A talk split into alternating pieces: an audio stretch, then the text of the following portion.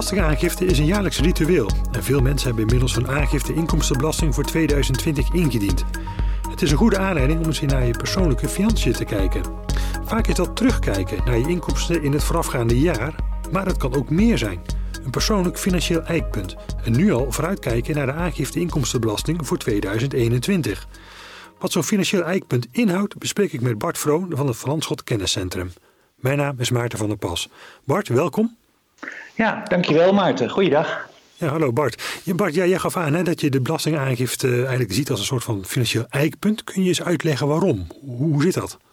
Nou, bij het doen van aangifte wordt gevraagd naar een overzicht van je bezittingen en je schulden. En veel mensen maken dan gebruik van die vooringevulde aangifte. Mhm. En die is gebaseerd op informatie die de Belastingdienst heeft ontvangen van werkgevers, maar ook van financiële instellingen.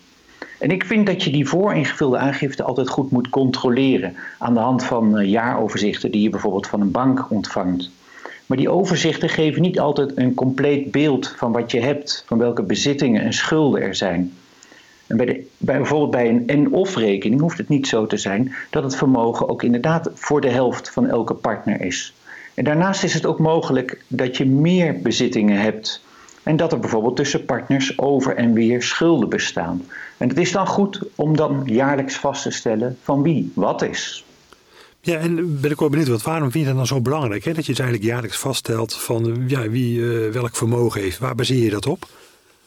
Nou, veel van onze klanten die zijn gehuwd op huwelijkse voorwaarden. En die hebben daarin een zogenaamd periodiek verrekenbeding opgenomen. En dat wordt ook wel een Amsterdams verrekenbeding genoemd. En zij hebben dus gescheiden vermogens, maar ze hebben afgesproken jaarlijks de overgespaarde inkomsten te verdelen. En veel mensen die leven dat beding niet na. Ze maken die verdeling nooit. Waardoor na enige tijd, waardoor het niet meer duidelijk is van wie nou wat is. Bij een onverhoopte echtscheiding is dan bijna niet meer te reconstrueren hoe het echt is. Mhm, ja, en dan hoor ik jou zeggen, Bart, uh, periodiek verrekenbeding, overgespaarde inkomsten. Ja, niet begrippen die je volgens mij dagelijks gebruikt. Kun je nog even verder toelichten?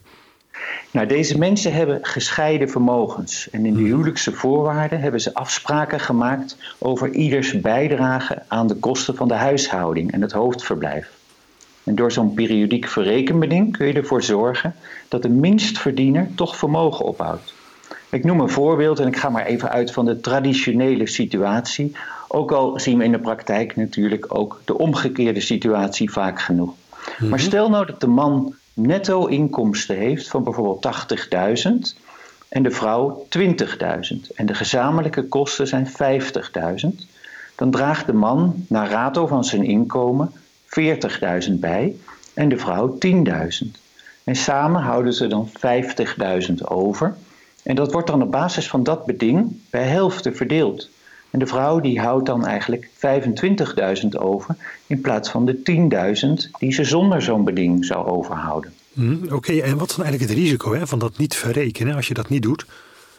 Nou, als je jaarlijks niet verrekent en het is bijvoorbeeld bij een eh, echtscheiding niet mogelijk om die verrekening te reconstrueren of, of überhaupt overeenstemming te bereiken.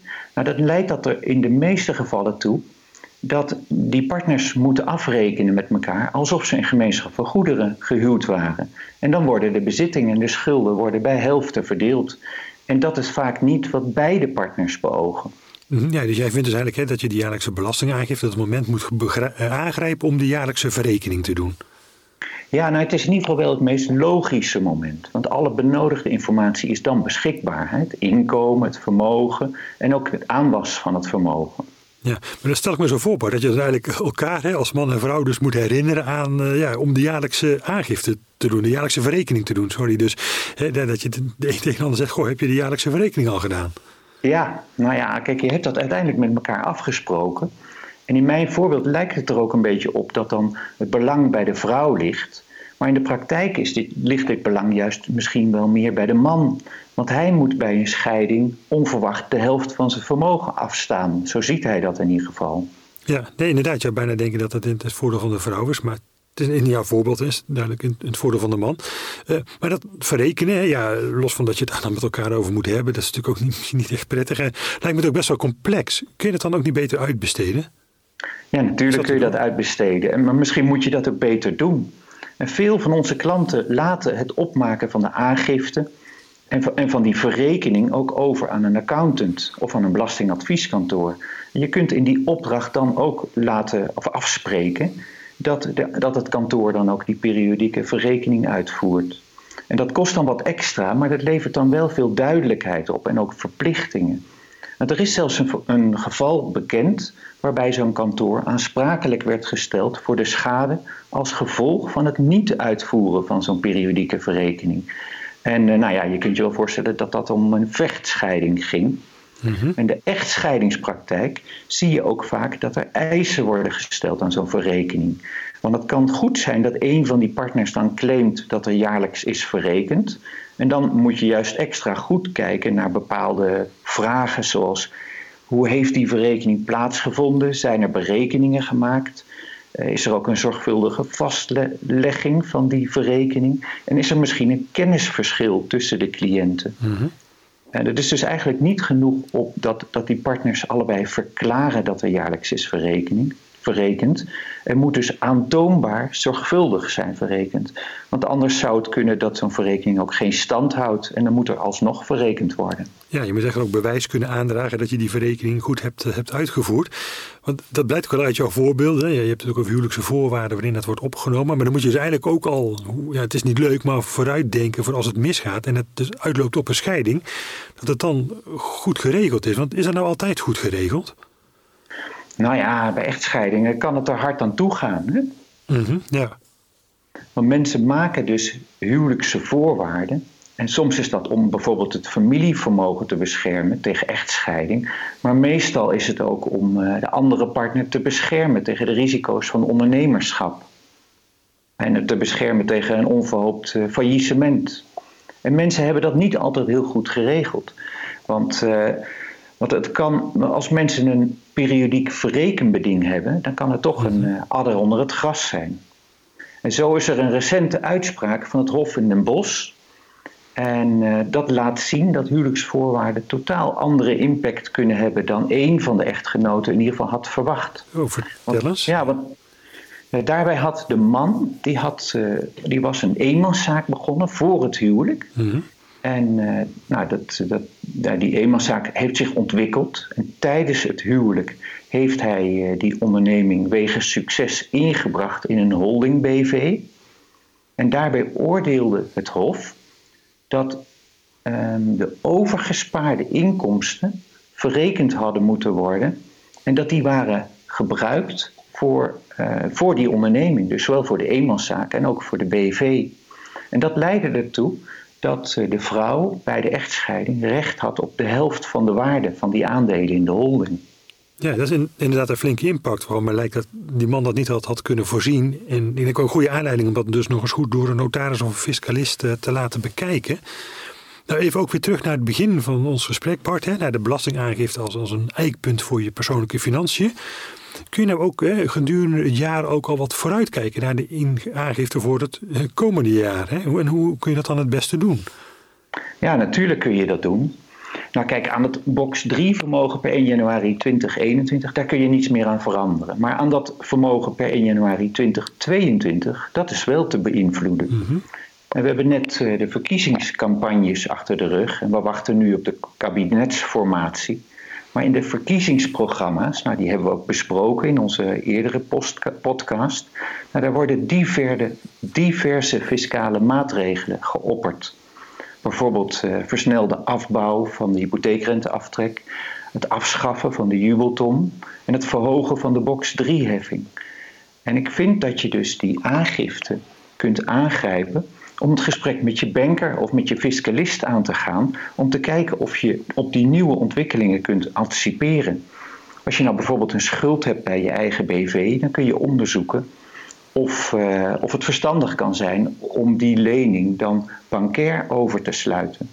En sommige maatregelen die kun je nu al treffen en sommige, nou dan kun je beter wachten op Prinsjesdag ja, het is eigenlijk dit jaar, eh, die is wel uitzonderlijk. Ja, het is even afwachten op het regeerakkoord. Hè, en wat daar dan in staat over die dingen die je noemt als hypotheekrenteaftrek. En ook inderdaad de jubelton en het afschaffen daarvan eventueel. Um, beetje richting het einde van, van, van de podcast, Bart. Uh, heb je tot slot ook nog tips voor klanten van Verlandschot? Ja, uiteraard. Ja. Ik heb er vier. Nou, we begonnen met de, de belastingaangifte. Hm. Nou, als u nou uw belastingaangifte nog niet hebt ingediend, doe dat dan snel of vraag anders nog alsnog uitstel aan. Eh, de Belastingdienst stuurt eerst een herinnering en daarna pas een aanmaning. En, maar die is dan wel met een boete. Die kan 385 euro zijn. Maar doet u nou vaker te laat aangifte, dan kan, kan die boete flink oplopen. En de Belastingdienst brengt ook rente in rekening. Dus als er een aanslag wordt opgelegd, dan wordt vanaf 1 juli 4% rente in rekening gebracht. Dus dat is best wel veel. Ja, dat is fors. Ja. Een tweede tip uh, heeft betrekking op uh, die huwelijksvoorwaarden met zo'n periodiek berekenbeding. Nou, als u dat nou hebt, uh, nou, hou die, die huwelijksvoorwaarden nog eens tegen het licht. En nou, misschien wilt u wel overgaan tot het aanpassen van de, de, het inkomensbegrip dat daarin is opgenomen. En ga ook over tot die jaarlijkse verrekening. Die moet ook cijfermatig onderbouwd zijn. Alleen het tekenen van een verklaring, dat is echt niet genoeg. En als het er nou niet van is gekomen om jaarlijks te verrekenen, dan kunt u overwegen om met uw notaris of fiscalist te overleggen en alsnog een verrekening ineens te maken en een vaststellingsovereenkomst op te maken. En ook die moet gedegen onderbouwd zijn en er moet ook een berekening aan de grondslag liggen. En mijn laatste tip is: ga tijdig met je fiscalist of bankier het gesprek aan. Of je kunt anticiperen op nieuwe fiscale maatregelen om teleurstellingen bij een volgende inkomstenbelastingaangifte te voorkomen. Ja, nou, ja, dankjewel Bart voor je toelichting. En het is ook wel duidelijk, dat verrekenen, dat moet je inderdaad echt jaarlijks doen. Want als je het achteraf moet gaan reconstrueren, ja, dan haal je denk ik toch een hoop problemen en gedoe op de hals. En zo draait dus eigenlijk toch best wel veel om de belastingaangifte. En mensen met zo'n periodiek verrekenbeding en een eigen holding, BV, zijn dus gewaarschuwd. Zij moeten zich deskundig laten bijstaan. En de uitkomst bij een onverhoopte echtscheiding is dus niet altijd zoals wordt verwacht. Dat hebben we deze podcast wel geïllustreerd. Heeft u huwelijkse voorwaarden met een periodiek verrekenbeding? Overleg dan eens met uw notaris of fiscalist of alles zo is geregeld als u beide had bedoeld. En inzicht en overzicht geeft rust over uw financiële positie. En uw banker van Verlandschot is uiteraard graag bereid met u mee te kijken naar de mogelijkheid om uw toekomstplannen en vermogen met elkaar in balans te houden. Nou, wilt u nou meer horen over vermogensregie en eh, over slim omgaan met uw vermogen? Abonneer u dan op dit podcastkanaal. Ik dank u voor het luisteren.